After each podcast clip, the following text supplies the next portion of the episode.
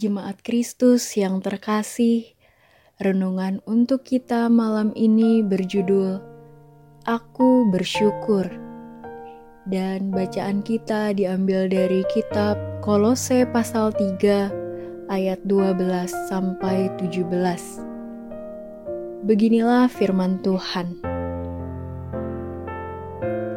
Karena itu sebagai orang-orang pilihan Allah – yang dikuduskan dan dikasihinya, kenakanlah belas kasihan, kemurahan, kerendahan hati, kelemah lembutan, dan kesabaran.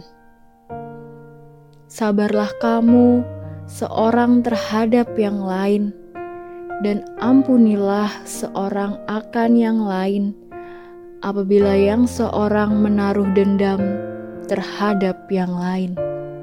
Sama seperti Tuhan telah mengampuni kamu, kamu perbuat jugalah demikian. Dan di atas semuanya itu, kenakanlah kasih sebagai pengikat yang mempersatukan dan menyempurnakan.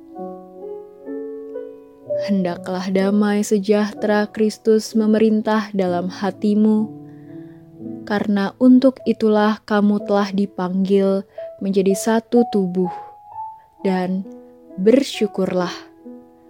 Hendaklah perkataan Kristus diam dengan segala kekayaannya di antara kamu, sehingga kamu dengan segala hikmat mengajar dan menegur seorang akan yang lain, dan sambil menyanyikan mazmur dan puji-pujian dan nyanyian rohani, kamu mengucap syukur kepada Allah di dalam hatimu, dan segala sesuatu yang kamu lakukan dengan perkataan atau perbuatan, lakukanlah semuanya itu di dalam nama Tuhan Yesus, sambil mengucap syukur oleh Dia kepada Allah Bapa kita.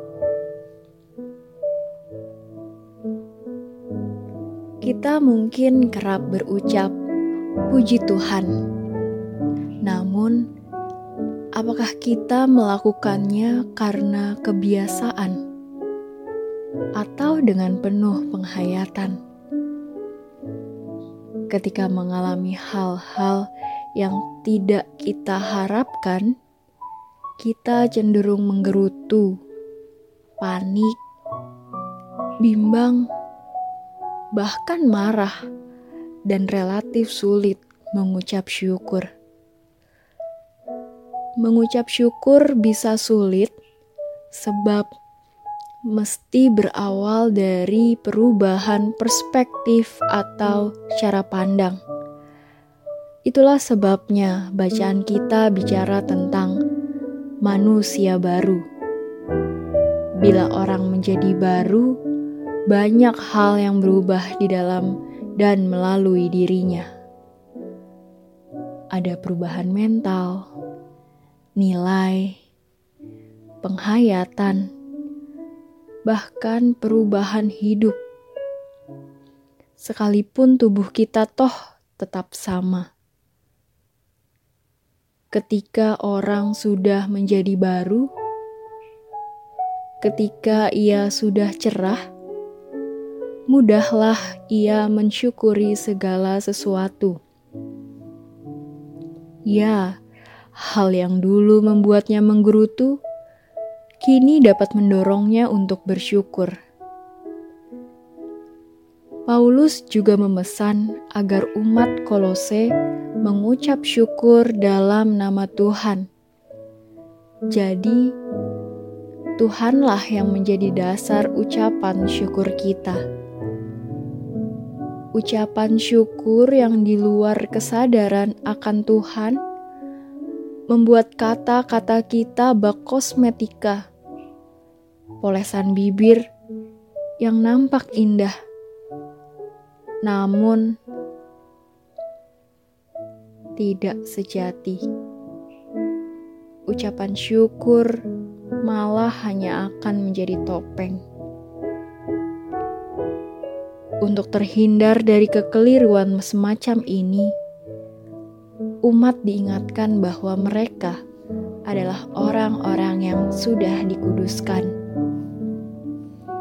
Kita dulu kotor, tapi kini menjadi bersih karena karya Allah.